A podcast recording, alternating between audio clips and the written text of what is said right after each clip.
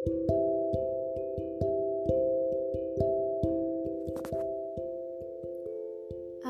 pernah berjalan di atas pasir. Berbisik, kata orang. Namun tidak. Semesta tak memiliki suara. Mereka bilang, ombak berdebur. Nah, itu hanya haluan sang manusia. Belum sama sekali mendengar alam bersuara pun tidak tahu bagaimana bahasa semesta sampai begitu paham untuk membuat alur natural serapi ini. Pernah melihat gunung menangis.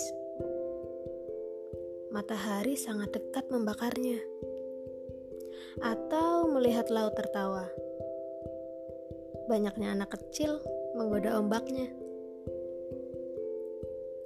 Karena semesta tak punya rasa, itu hanya haluan sang manusia. Lalu siapa manusia? Kenapa dia berharap semesta berbicara dan punya rasa? Mungkin itu cara manusia mengagumi bahasa semesta yang tak pernah ingkar janji dan salah.